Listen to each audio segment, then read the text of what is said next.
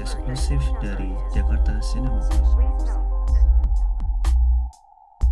Find a space to stand on the floor where you feel safe and comfortable. Hai, ketemu lagi di sesi The Page kali ini. Kita bakal santai-santai sejenak di malam minggu ini buat ngobrolin beberapa film atau series yang habis kita tonton dalam beberapa waktu terakhir. Ada gue, ada Kinanti, ada Faiz. Gue lagi baca bukunya co-founder Netflix, Mark Randolph, judulnya The Birth of Netflix and the Amazing Life on an Idea That Will Never Work. Bukunya ringan banget. Dia ceritain ya sejarah Netflix sih basically dari awal dari dia masih kerja di perusahaan lain kemudian sama partnernya nyari-nyari ide buat bikin startup baru di uh, late 90s gitu yang ketika internet terutama ya Hmm. lagi mulai lagi mulai booming gitu. Ya udah deh, kasih tahu deh awal idenya kenapa uh, mereka di bisnis unit film kayak partnernya bilang, "Oh, kemarin gua habis kena denda nih dari dari Blockbuster. Blockbuster rental DVD box gitu di US. Gue Hmm. dapet denda 40 dolar nih dari Blockbuster. Habis itu mereka jadi kepikiran, gimana caranya ya biar kita nggak usah bayar-bayar kayak gitu lagi. Gitu. Ide udah simpel-simpel aja. Dan sebenarnya si Mark Randolph ini juga idenya konyol-konyol. Dia pengen bikin custom Hmm. mulu. Sampo Hmm. custom lah, eh, baseball bat custom lah, ini custom, itu custom. Tapi si partnernya yang punya duit nih bilang lo harus bikin sesuatu yang dipakai orang berulang-ulang, berulang-ulang gak bosan-bosan. Jadi orang punya attachment sendiri gitu, tapi bayar. Ya udah mereka mulai godok ide tentang si Netflix ini. Padahal waktu itu masih zaman VHS di Amerika. DVD itu Hmm. masih baru muncul di Jepang dan baru banget masuk ke Amerika beberapa bulan setelah mereka meeting pertama. Gue masih baca sih, Eh, menarik banget soalnya. Apalagi sekarang kayak kayak we cannot live without Netflix kan Iya. gitu sayang banget belum nggak beli saham Netflix dulu Udah has been around for quite a while ya. Gue tuh baru denger mereka around 2013-2014 ternyata udah ada been a while. mereka Hmm. melaunching itu tahun 97 akhir apa 98 gitu Hmm, hmm. gue pertama kali dulu eh, kebetulan gue masih masih di States itu 2011an jadi gue beli TV eh udah, udah dapat akses gitu tapi dulu hmm, dulu masih pas zaman gue servisnya dua gitu satu streaming satu lagi kalau misalnya nggak available buat streaming bisa rental DVD-nya Hmm, dia bakal oke. bakal kirim ke tempat tinggal kita. Nah, tapi se- sebelum itu mereka hanya rental DVD online. Oke, jadi sebelumnya rental DVD online dulu justru. Iya, mm-mm. Belum ada streaming service. Oke. Iya. Di buku ini bahkan mereka kayak muter otak gitu nih mana yang ngitungnya nih. Awalnya kan VHS, bungkusin VHS-nya butuh pakai kertas ini ini itu ini itu beratnya segini terus ngasih ke orang shippingnya dua kali ngirim ke customer terus jemput lagi dari customer iya kalau nyampe iya kalau dibalikin Sama bisnisnya jadi nggak sustain sama. Iya, jadi eh, buat break event satu beli satu VHS saja itu harus sekitar 20-an kali dipes- dipinjem. Hmm. Jadi susah banget eh, awal-awalnya. ya. Apalagi VHS dulu mahal, Kin. Soalnya sebelum industri film, mungkin studio-studio pada sadar ya kalau Hmm. banyak yang DVD-DVD rental gitu justru dapat cuannya lebih banyak karena mereka beli satu, habis itu di generate money out of it kan. Mereka Hmm. tapi mahal tapi bisa 70 dolar satu satu kaset. Wow. Mm-mm. Akhirnya ketika studio udah mulai sadar, mereka uh, produce something cheaper gitu. Jadi encourage orang-orang buat beli film juga. Si studio juga make profit out of it. Kalau inget dulu kan kita ada rental VCD tuh dulu, Video Easy. Iya. Ya lah, sebelumnya Laserdisc, apa, Yes. Betamax. Tapi pas DVD jarang kan DVD. Mm-mm. Karena DVD rel- relatively cheaper kan dibanding sebelum-sebelumnya. Jadi ngapain gue ngapain gue sewa kalau gue bisa beli gitu loh. Mm-mm, mm-mm. Tapi kalau kasus di Indo, nah, lawannya kan bajakan kan. Kalau Kalau. DVD ya udah banyak bajakan. Iya. Itu bajakannya Lo- bagus-bagus. Iya. jadi makin beli DVD, susah gitu. beli DVD bajakan 5000 terus lo nyewa harganya 5000 sama aja bohong kan. Nah, dulu waktu pertama kali gue punya akses ke Netflix tuh keren banget ada ada section khusus buat Criterion loh. Oh, that's nice. Iya. Kalau jauh sebelum itu sih gue exposure gue ke film Criterion lo tau dari mana? Tau nggak? Dari mana? Dari Reddit. apa? Reddit. Gila keren banget kalau enggak enggak gue tahu informasi tentang Criterion itu dari tukang DVD di Mangga 2 Mall. Ih, kok dia se, se indie itu sih? indie banget tuh. dan dan ternyata tahun 2016 sih pas si, si Yus join Jack ternyata dia ngaku juga kalau dia juga tahu kriteria dari situ dari Mangga 2 Mall itu Nggak, dikasih taunya tuh gimana kayak mas eh lihat-lihat deh di kriterian aja gitu list-list atau gimana sih? What conversation that did happen gitu. At the beginning kan lu nggak tahu itu kriterion kan? Iya. Jadi pas gue suka beli DVD di situ karena dia dulu kan lo tau kan ada DVD bajakan yang impor Hong Kong gitulah ceritanya. Hmm. yang covernya tuh hard gitu hard cop hard cover gitu. Mm-mm. bukan hardcover sih kertasnya lebih tebel aja lah. Terus eh, gue ngeliat wah collectible juga nih padahal kalau gue pikir sekarang sih bajakan sih mau gimana pun gak collectible lah. Iya. Setelah gue going minimalis gue bakar semua gitu bener seriously. Nah, karena gue gak ada value nya kan kalau bajakan kan. Iya betul. Kalau gue ke Mangga 2 for whatever reason gue sering ke Mangga 2 zaman dulu itu ya. Hmm. Eh, oh sorry karena nyokap gue kan pedagang ini dia. Dia kan konveksi kan jadi kadang-kadang beli kain. Oh, oke. Gitu. Nah kalau kalau gue nemenin dia, gue langsung ke situ tuk- tukang DVD itu. Ada beberapa jualannya dia yang cover keren, oke ya kan? Covernya keren terus ada tulisan C-nya gitu kan. I was stupid and just curious, I was curious aja kan. Oke, gue Hmm. beliin aja deh semua nih yang ada C-C-nya nih gue beliin semuanya ada. Tahu tahu itu ada. artinya C itu apa? Iya ada empat biji gitu kan covernya keren-keren nih. Turns out ketika udah mulai suka Google googling itu Criterion Collection dibajak. Oh, jadi itu nggak bukan kayak si pedagangnya yang ngomong Enggak. dan menyarankan. Oh, Enggak. Oke, oke. Iya. Cuman lu beli di, maksudnya dia menyajikan itu. Iya, ada sih misalnya di satu crate gitu, wah ada 10 criterion gitu. Jadi gue tahu Godard, Truffaut gitu dari situ. Apa ya, circa 2005 kali ya, 2005, 2006 gitu. That's nice. Ya lu tahu, lu tahu lah zaman dulu kan even film-film kayak Stanley Kubrick aja kan susah kan dapetnya. Iya. Kan? mm-mm. Misalnya lu baca Cinemax nih, terus ya Cinemax ngomongin Stanley Kubrick tapi filmnya gue nonton di mana? Tai banget kan.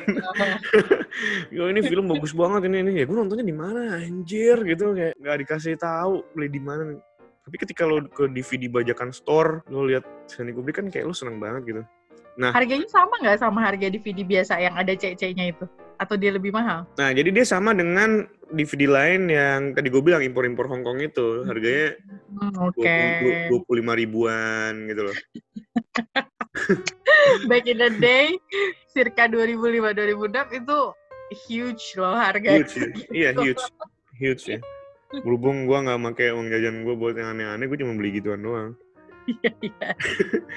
sebelumnya kan mungkin eh, lo punya duit oh kalau gue kan gue dulu suka belanja kaset. Ah, tapi abis setelah kas- era kaset nggak ada CD terlalu mahal jadi kan lu nggak spend money on things Hmm. kan. Lagian gue nggak narkobaan juga. Jadi duit gue lumayan banyak lah.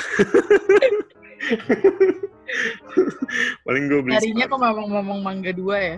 dia tuh sampai ini sampai akhirnya SMS-in kita gitu Hmm. Taduh, ini lo belinya di tempat yang sama sama si Yus, ya? Yus iya iya Bener? Oh, Oke. ini Iya, harusnya aduh kalau ada si Yus nih enak banget nih ngobrolin kayak gini nih Hmm.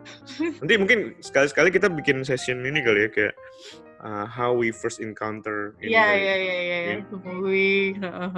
How how we explore films more gitu. Lu dulu ini gak baca Cinemax gak? Cinemax iya, tapi ada total film ya kalau Oh iya, salah. tahu tahu tahu. Gue justru ini total film tuh eh, nggak tahu suka aja sama gaya bahasanya tuh kayak lebih enak dari Cinemax kalau menurut gue waktu itu total film. Jadi gue lebih bacainnya si total film itu.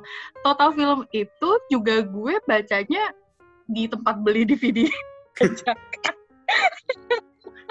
Tapi lu, be- lu beli majalahnya atau lu numpang baca?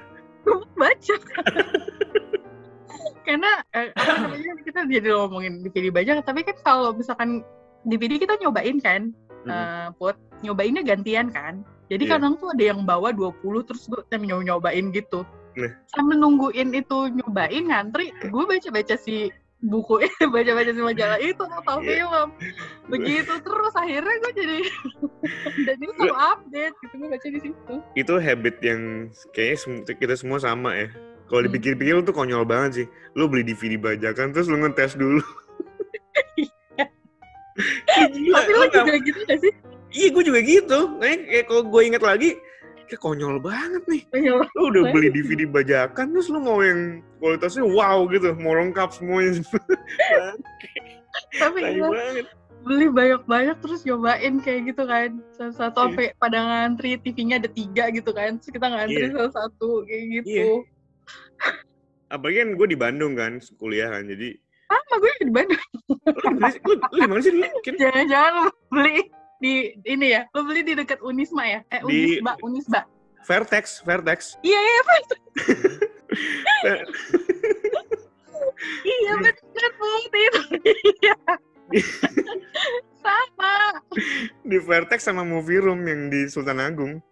Dulu kesel banget kan kalau ada orang yang numpuk gitu 10 DVD terus mau dicobain semua, gila.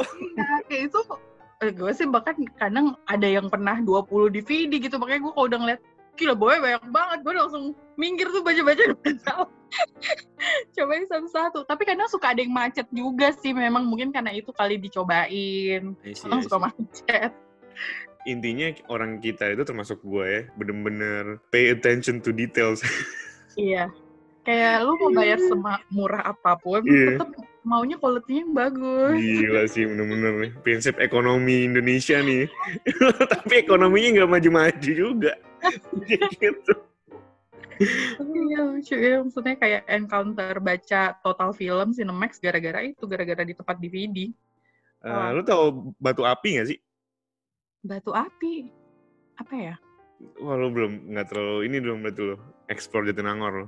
enggak enggak gue enggak gue mainnya di Pati Ukur Iya, kayaknya. Nangor tuh gue tuh kayak kayak sotoy gitu ya apa sih Nangor gitu bilang anak Iya sih. Nangor sumpah.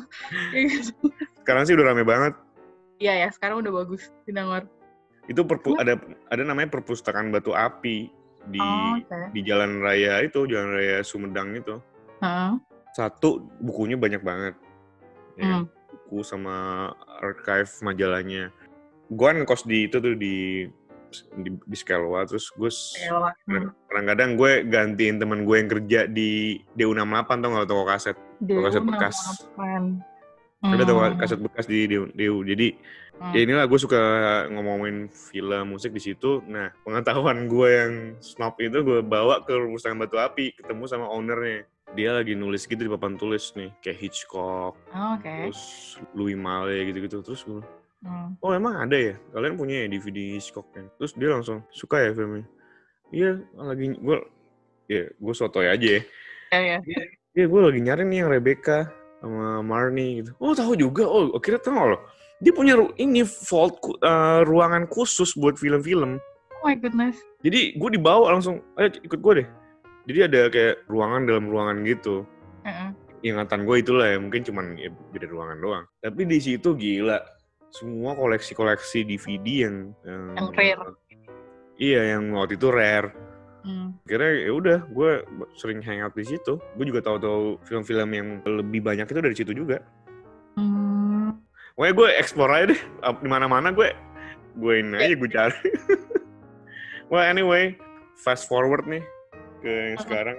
Biasa kalau milih film sekarang sekarang ini Hmm. atau film atau buku lah. Biasanya lo dari mana Kin dari rekomendasi.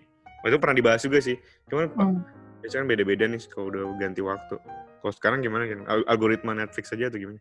Algoritma Netflix ya sama em, dari kalian juga tuh the page gitu. Terus gue gue senengnya di grup kita tuh em, habis nonton film apa bagus terus kasih tahu gitu kan di situ. Jadi gue kayak keep up aja gitu oh ada film ini ada film ini. Em, atau ya gue kan banyak follow beberapa eh, film page gitu kan di Instagram. Beberapa yang gue follow itu dia suka nge-review film-film yang eh, saat ini memang lagi eh, populer gitu. Kayak misalkan kemarin ada keluar Black, Widow, terus Green Knights gitu kan, atau ya film-film yang eh, random aja gitu, yang nggak kayak hidden gem, eh, terus dibahas gitu kan di situ. Dia kasih review, nah di situ baru deh gue, oh ini nih film yang eh, kayaknya menarik nih gitu untuk gue tonton kayak gitu sih. lu mut-mutan gitu gak sih mut-mutan banget mut-mutan banget tergantung kalau gue berasa kayak wah nih eh, gue butuh asupan yang ini nih eh, supaya eh, rada mikir gitu Iya. gue cari tuh eh, list-list film-film yang mungkin dari eh, yang dari Cannes atau mungkin Criterion apa segala macam gitu. Tapi kalau misalkan beneran lagi pengen nggak pengen mikir sama sekali ya gue nontonnya film-film superhero, film-film ciklit kayak gitu gitulah pokoknya. I see, I see, I see. Lo sama kayak gitu juga? Biasanya gue gitu. Jadi gue kayak gue siapin gitu list gue jadinya sekarang. Misalnya, Hmm. Bulan ini pokoknya gue harus ngikutin semua. Pokoknya yang The Page kan udah pasti nih. Iya. The Page udah pasti. Sama turunan-turunannya. Hmm. Gitu misalnya eh, lagi ngebahas eh, film apa Holy Motors tuh kayak kemarin kan. Mm-mm. gue ngerasa ah udah deh sekalian aja deh gue hajar aja deh film yang Leo Carax yang lainnya gitu biar gue tahu konteksnya gitu Mm-mm. Terus kayak A24 udah gue langsung bikin oke Listnya. ah, ini bulan ini nih gue harus nonton 10 film A24 mau gimana pun mood nggak mood gue play aja langsung. Gitu tapi sisanya eh, yang light light gitu gue nonton. Eh, Fast and Furious gue habis nonton. Gue ngerasa lo udah ngelewatin fase snob kalau lo udah admit lo udah nonton Fast and Furious deh. Dan santai aja gitu nggak nggak usah terlalu ngerasa Fast and Furious tuh wah cupu segala macam lo nonton yang terakhir belum F9 Belum, gue belum nonton. itu udah different level tuh Konyol Different banget. level of what nih? level of mediocre atau gimana? Fast and Furious kan mobil kan Iya. di jalanan kan Aha. ini udah di luar angkasa sekarang Apa tuh yang di grup yang lagi baru ngikutin Fast and Furious? Jap ya? ini udah udah Don't know what's coming, Jap. Udah new level shit sih ini. Lo udah nggak pakai pelatihan NASA lagi udah. Dan di keluar angkasanya tuh pakai mobil. Iya, nggak. Aduh, ya ampun. Gue beneran udah gak ngikutin tuh semenjak si Paul, eh, Paul Walker kan bener kan namanya ya? iya. Paul Walker udah ini kayak udah essence-nya tuh udah hmm, they try to find something yang bisa menutupi itu terus kayak enggak ah, gue ya udah gitu nggak nggak nggak ngikutin lagi udah gak ngikutin lagi dari situ. Oh.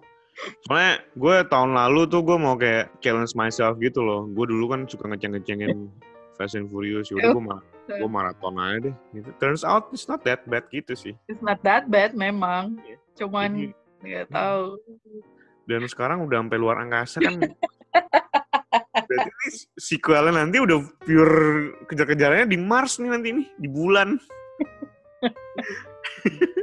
gue yakin banget pakai kendaraan pakai bulan. dong, ya ampun. Terus lo lagi ngikutin series atau film apa Nikin kira-kira ini? Oh ya, lo kan tadi bilang turunan tuh ya. Nah, gue biasanya kalau gue lagi ngefans sama satu aktor atau gue lagi ngefans sama satu director itu gue nonton terus film-filmnya dia tuh kayak gue lihat di Wikipedia gitu terus dia filmografinya apa aja terus gue tontonin. Nah awalnya gue dari nonton Hamilton ceritanya Oh, musical itu ya? musical. Oke. Oh my god, it was such an event gitu loh, Put. 2 jam 40 menit. It's an eventnya tuh sama kayak Avenger Endgame, an event gitu. Oke. Jadi kayak celebration. Gue nonton itu beneran ngehook from kayak beat pertama tuh si Hamilton. Terus kan ada keterangan itu 2016 ya kayak where the hell I've been this time gitu. Ini dari 2016 jam ini udah ada. Terus ada satu karakter namanya si King George di situ. Eh, dia tuh muncul cuman 9 menit in total. Tiga kali muncul 9 menit eh, di breakdown berarti kayak cuma 5 menit, 2 menit, 2 menit gitu. Mm. Tapi dan dia nggak nge-rap di mana Hamilton itu kan yang bikin jadi kayak groundbreakingnya karena dia deliverance-nya by rap gitu kan si Hamilton. Rap, Eh, maksudnya hip hop, maksudnya ra- rapping Nge-rap. gitu. Eh, rapping, lo harus nonton deh buat beneran buat si Hamilton itu buat ada di Disney Plus. Eh, jadi dia nge-rap gitu. Kan musical Broadway kan. Tapi musicalnya tuh dia nyampeinnya by rap gitu. Mm-mm. Nah, si eh, lagu yang dibawain sama King George ini nggak rap. Lagunya lagu kayak Broadway biasa gitu. tapi bener-bener uh, powerful gitu kan kayak uh, orang tuh bisa ngelihat dia beda sendiri terus di situ dia karakternya tuh kayak ada kejamnya ada lucunya apa gitu terus gue Oke. cari nih aktornya yang main siapa namanya Jonathan Groff kan ternyata Jonathan Groff ini yang isi suaranya Christoph di Frozen.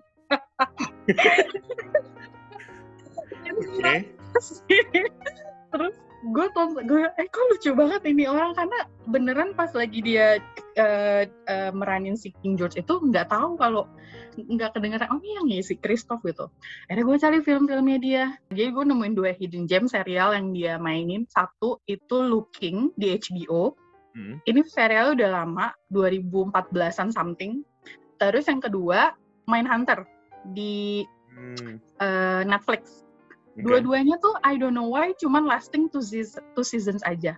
Oke. Tapi sebenarnya itu serialnya bagus banget, Put. Ya ampun bagus banget. Both Yang Looking sama Mindhunter. si Mindhunter. Dua-duanya Looking dan Mindhunter gitu. Oke. Si uh, Looking tuh I think kayak way ahead is time deh.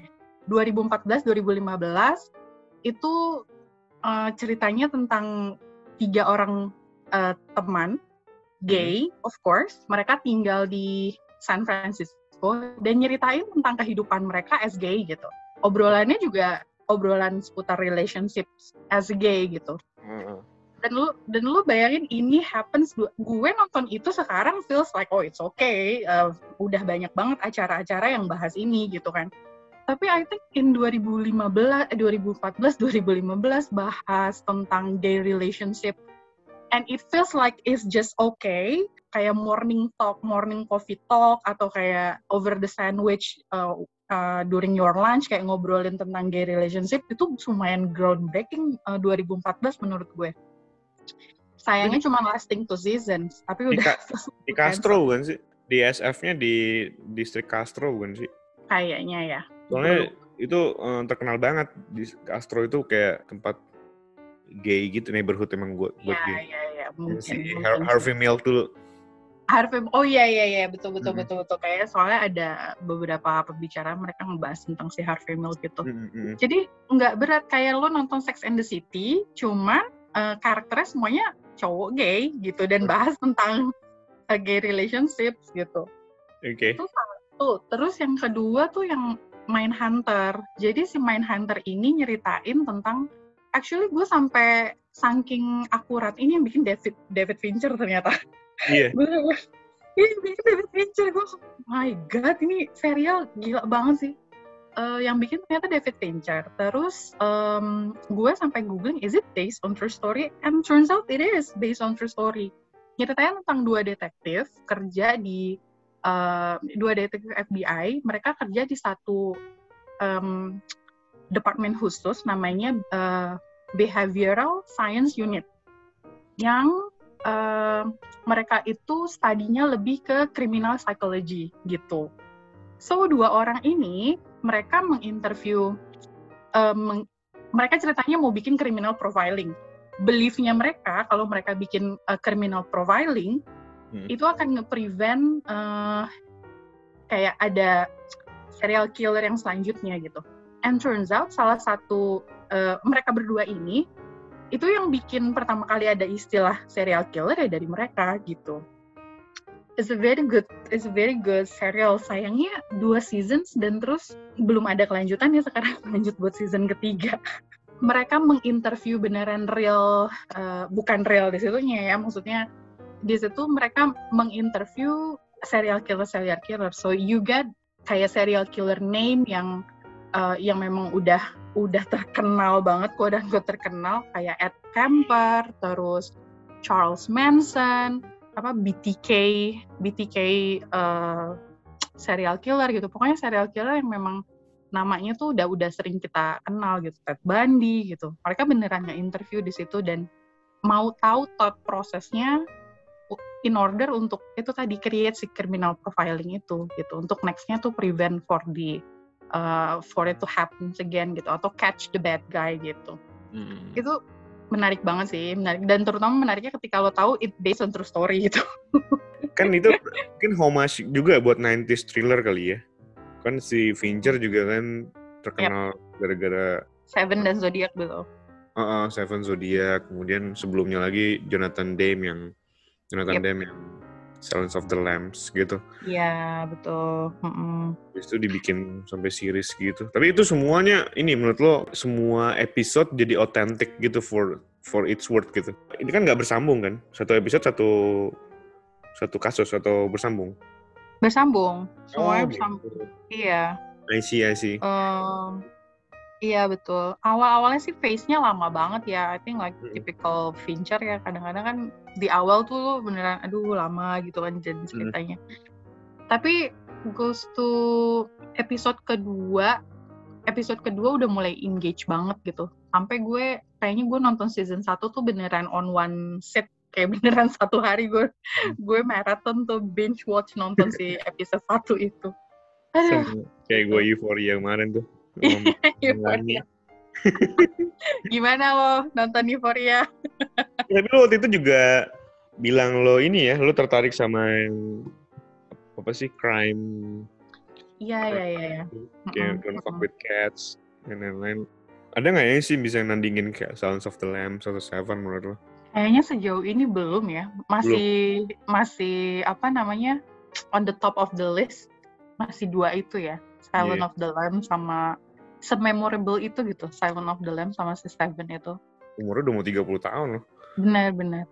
Uh, So- sometimes lo kalau bikin cerita kayak gitu juga harus hati-hati sih supaya nggak menurut gue ya you need to be really hmm, ada sedikit empatinya gitu terhadap korban karena sometimes um, ceritanya tuh somehow kayak romanticize di serial killer itself gitu. Iya, iya. somehow kayak keren banget sih kayak serial killer bisa ya kan? Gitu kan? Iya. I don't know. People are really twisted sometimes sometimes gitu. Kayaknya ih keren ngebunuhnya gini gini gini. It's not well it's not really cool. It's kayak fucking idiotic gitu untuk to think that it's it's cool. Tapi sometimes filmmaker juga tend to make it kayak uh, romanticize itu gitu. Jadi film kayak Seven film kayak Silent of the Lambs yang memorable-nya tuh karena karakter-karakternya terus sama jalan ceritanya yang ng- ngambil nggak terlalu ke arah as if si serial killer ini keren banget gitu. It- it's, it's just Zodiac juga gue suka sih sebetulnya. Eh, endingnya terutama ya kayak sebenarnya bener gak sih nih orang? Tapi kan bukannya Zodiac itu ini ya, unsolved ya? iya unsolved kan Em, kita cuma dibawa di karakternya si pemeran utamanya gue lupa namanya siapa tapi yang main kan Jack Gyllenhaal kan Iya. somehow kayak pengen satisfied aja gitu ngelihat yang terakhir tuh apakah beneran ini nih killernya gitu Tapi nggak ada yang sensasional Seven sih. oh Seven Seven masterpiece gokil. Dan itu era di mana internet kan belum terlalu ngehits gitu loh. Jadi lo nggak nggak gampang ada ada spoiler, ya kan? Pas banget nih, Chris lagi dia si si Chris ketahuan banget nih pipinya udah merah-merah. punya kamar minum sorry ya Lu Nanti minum lagi kayak pakai baju koko tau nanti lagi lagi abis bahas main Hunter dia, Chris.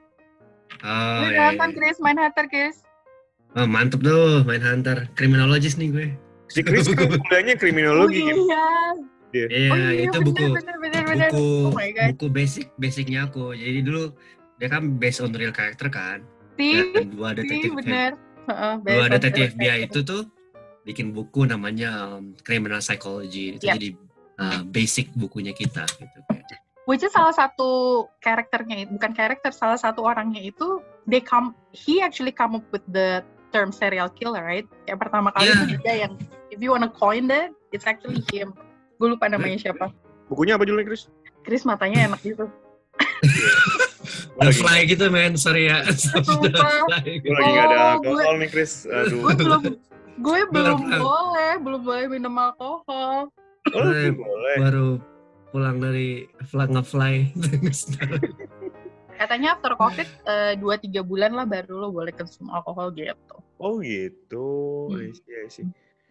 Anyway, Mindhunter inside the FBI's lead serial crime unit. ya, itu, itu salah. Iya John Douglas. criminal profiling ya di situ coba term itu tuh udah di coin sama mereka sih oh. Dan beneran ada departemennya kan si BSI itu kan. Behavior Ya. Science Unit tuh beneran Ya, ada di behavioral science gitu. itu Uh. zaman itu kebayang gak sih kayak serial killer itu nggak bukan term yang common gitu dan bahkan Iya. para detektif tuh nggak tahu gitu ini orang ngebunuh tapi passion gitu itu Hmm. itu rare itu nggak pernah di nggak pernah thinkable lah ibaratnya karena kebanyakan orang ngebunuh kan gara-gara ya robbery lah atau mungkin karena dia benci sama istrinya lah atau apa pun kan tapi nggak pernah tuh namanya killing by passion kayak kayak Iya. bilang apaan nih gue bilang killing just because you you wake up and suddenly choose violent. Iya. Ya, dan and, and strangely enough dan it's true ya kalau kalau tuh gue di criminology gue belajar banyak itu emang orang-orang yang punya masalah seperti ini tuh biasanya punya punya problematic relationship dengan ibunya Iya, betul. Betul. Dari awal Norman Bates ya. Jadi, yeah, yeah, you have to be careful when you have a kid. Uh, make sure that you have the kid have a good relationship with the mom. With the mom. Jadi psychopathic. Gue gak tahu nih eh, Kinanti udah nonton atau belum. I would like to recommend satu film judulnya The Vanishing. The what? Vanishing. The Vanishing tahun 88. Vanishing. Film Bela- dari Belanda. Filmnya George Loser. Menurut gue itu salah satu film yang membuat perasaan lo jadi nggak enak juga sih. Jadi kayak ada aftertaste-nya gitu. Inti ceritanya sebenarnya simpel, istrinya hilang. Hmm. Cuman hilangnya tuh bukan kayak yang eh, oh dia kerja abis itu nggak pulang-pulang atau gimana. Ini lu lagi jalan sama istri lo, terus lagi apa lagi di parkiran istri lu ke convenience store abis itu nggak baik-baik lagi ke mobil. Anjay. Bayangin nggak- nggak baik-baik nggak baik nggak baik-baik lagi ke mobil dan nggak bertemu istri lagi sampai bertahun-tahun. Nah Terus, hmm, oke. Terus, selama iya se- setelah setelah selama bertahun-tahun itu dia berusaha sampai ada satu mas satu waktu di mana well gitu. Gitu nanti ya you, you gotta watch it sih Ah, tapi menurut gue ini salah satu film yang tentang uh, murder mystery yang wajib tonton juga sih. oke. The Vanishing. ya. kayak kayak film ini nggak sih yang kayak apa dokumenter apa semi dokumenter itu yang cat cat itu apa sih ada cat Oh, don't fuck, don't fuck with Don't cats. fuck yang with cats. kunci. oh my god damn god damn Lu udah nonton akhirnya ya? Don't fuck with cats itu ya? oh. Oh, ada- man. kan dia bakal bikin film lagi ya kalau salah Oh ya? Baru tahu gue. Iya, jadi kayak Tentang Liliotanya itu. kayaknya ada film baru deh dia mau bikin lagi yang kayak mungkin beda lagi tapi tapi tapi in the similar spirit lah ya. Such a- I don't know. Gue belum belum berani sih kalau yang ber- berhubungan dengan hewan gitu gue nggak nggak berani gue. Bisa kita kayak kalau, kalau manusia yang dibunuh kayak oke gitu, Kalau hewan yang di torture, aduh enggak deh, enggak deh, Kacau banget sih. Udah mending cukup manusia aja lah. manusia aja. Manusia aja atau alien. Oh, baik. Jadi gitu Sekarang ya. tuh ya gue nonton nonton tuh kemarin baru kemarin tuh nonton um, animasi sih Out, Out Taxi namanya ODD Taxi itu Apa? Out, Out Taxi Out Taxi kayak taksi Taxi, ganjil oh iya, tuh, janggal. Out Taxi Ah, itu keren banget sih. itu animasi sih tapi animasinya bukan bukan yang Bukan fake ta- bukan fake taxi kan. Out. Taxi. Fake taxi itu ya itu enak sih itu enak sih Oh, segala- kayak neo noir animasi Jepang gitu neo noir. Tapi Oke. kalau kan kalau lihat anime kan kadangnya kan over the top ya kadangnya kalau ini ini benar-benar grounded sih grounded banget. Uh, simplified cases. Dan awal-awal itu pasti kalian bingung karena ini kenapa sih ini kayak binatang-binatang gak jelas? Tapi ntar ada hmm, ya. Pokoknya ini mantep banget uh, Otaxi ini. Cuman satu season dan um, simple kayak cerita itu benar-benar kayak benar neo noir Jepang gitu ya yes, ya. Um, simple Itu neo noir? Pengeburu taksi yang terlibat larger cases simple um, I like the noises kasus-kasusnya pun yang sangat relatable dan kayak apa ya kayak spektakel aja gitu kita, kita ngikutin aja gitu perjalanan mereka dan gimana mereka nge-solve sebuah kasus um, typical noir lah gitu lah Kayak enak banget nontonnya kayak Oh. almost therapeutic therapeutic Out taxi. Asedis ya, about Otaxi itu mungkin kalau kita compare dengan neo noir yang apa ya ada ya, misalnya kayak blowout, eh, mungkin long goodbye, mungkin terakhir recently break itu is up there. Itu viral, itu 10 out of 10 sih. Gila. kayak itu apa ya kayak ini tau gak sih LA noir itu gitu gak sih salah satu ya kopi emang kan you can tell that itu udah diplan dari awal tuh kayak the interconnected webs of story gitu kan, kayak ini dari satu ini itu udah mulai diplan dari awal banget kayak it's a murder story kan terus ada pembunuhan kan seorang anak yang orang yang hilang sih pembunuhan kan hilang apa kira pembunuhan juga a Hmm. girl going missing suddenly kan dia anggota idol gitu terus ternyata sebelum dia menghilang itu dengar-dengar dia sempat naik mobil si taksi ini kan si taxi driver ini kan jadi eh waktu kalau ada penumpang datang gitu Ya, well connected stories. Gimana kayak one story related kan. dan ada dan dengan ending dengan kartu black mungkin sejak Do Sopranos kali ya nggak ada yang sekeren itu satu episode Gila. cuma 20 menitan itu emang kayak gampang Hmm. banget. Easy to watch. sih Is it in, in Netflix? Uh, I don't. I, I have Crunchyroll, but they can definitely download it. I'll send you the links. Oh shit. Iya, iya, iya. Oh shit. Oh shit. Cut. cut, cut, cut, cut. gue Crunchyroll, Crunchyroll, Crunchyroll. gue tuh belum nih belum belum tertarik tertarik lagi sama anime susah, susah banget buat gue tertarik buat anime Ngerti sih. Emang emang kadang susah. Gue juga kadang susah. Kalau nggak bagus banget gitu gue nggak nggak ini nonton. Karena emang mungkin gue udah grew up beyond that ya gitu. Iya iya iya. Maybe, Ah. maybe that's the different, Chris. Lo Advan, Faiz tuh mungkin lo grow up ambil baca komik Naruto atau nonton Batosai gitu ya. Gue enggak. Ya, Oh iya sih. Jadi nggak bisa connect ya. Gitu. kan. Iya, gue stop di Doraemon soalnya. Tapi ya kalau gue rasa oh teks ini bisa kita lihat dari dari dari view uh, netral gitu. Dan kenapa?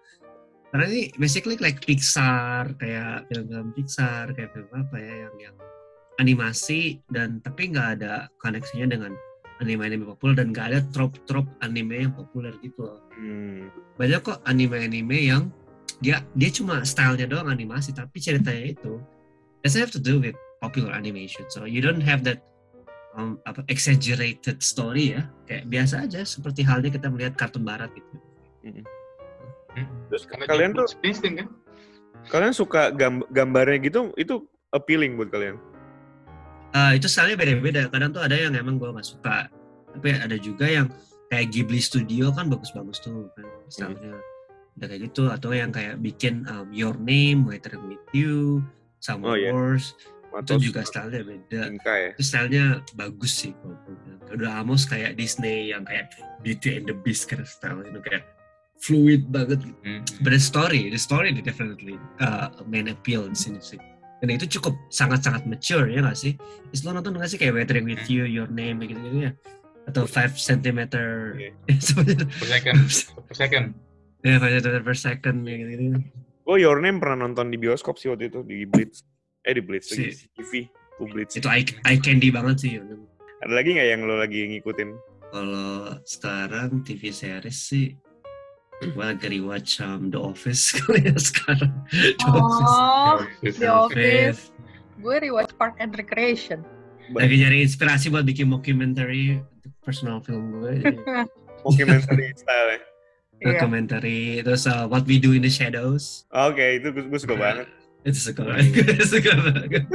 Iya. Namanya Tai- Taika kan awalnya nonton filmnya dia. Habis itu ada seriesnya tuh di peran Mark Hamill. Langsung nonton gue. Langsung nonton gue. Ngomongin tentang ini tadi tuh uh, Parks and Recreation, gue itu habis nonton Moxie kemarin. Bagus nggak sih Put? Gue gue udah ada di watchlist gue tapi gue belum tonton. Uh, kan itu debutnya, eh bukan, de- gue gak tau debutnya atau apa gitu kan itu direkturnya Amy Poehler kan. Bipolar ya. di Netflix kan ya Uh, Netflix. Me Too versi high school gitu kayak Iya. edu- education lah. Yang, yang pasti nggak mungkin keluar film itu zaman-zaman dulu. Kalau dari quality sih nggak se-fun model-model book book smart gitu-gitu. Smart. Mhm. Entah kenapa gue minggu ini tuh banyak nonton film high school setelah Waves itu. Oh, udah, akhirnya nonton, udah nonton Waves belum? Iya, Waves gelap banget ya. Waves. Ya nonton kita nonton Waves. Nonton belum? Nanti. Nonton Nanti Waves. jadi nonton. Gue kan mau nonton tuh kan. Terus akhirnya gue nyelesain main Hunter. Udah Hunter adiktif sih. dia nih Kalau kalau udah nonton Main Hunter harus nonton nonton. Kan harus Harus nonton ini. Harus nonton Narcos, Narcos. Narkos. iya tuh kayak tanggung gitu. Tinggal dua episode terakhir gitu ya. Udah gue ngabisin si main Hunter itu. Yang main di Waves itu ada di Euphoria. Yang mana ya? Uh, Alexa something gitu ya. Alexa atau Oh, Alexis oke. gitu ya. Yang jadi Maddie di Euphoria. Oh, Hmm. dia yang jadi leads ini ya, lead Ah, actress. di lead, lead actress-nya. Gue uh, sama Melanie tuh abis binge watching Euphoria rekomendasinya Kinanti setelah kita ngebahas A24 kemarin. Kita emang ini ya affiliated dengan ini ya A24 series itu. Euphoria ya, oke. Iya. Itu dia ada di HBO. Ceritanya tentang dinamisme high school students gitu di salah satu kota kecil gitu di Amerika yang super. Maksud gue kayak lu gila SMA masa lalu gi- gi- gi- ini ini kayak full of drugs, full of tits, full of dicks. Ya.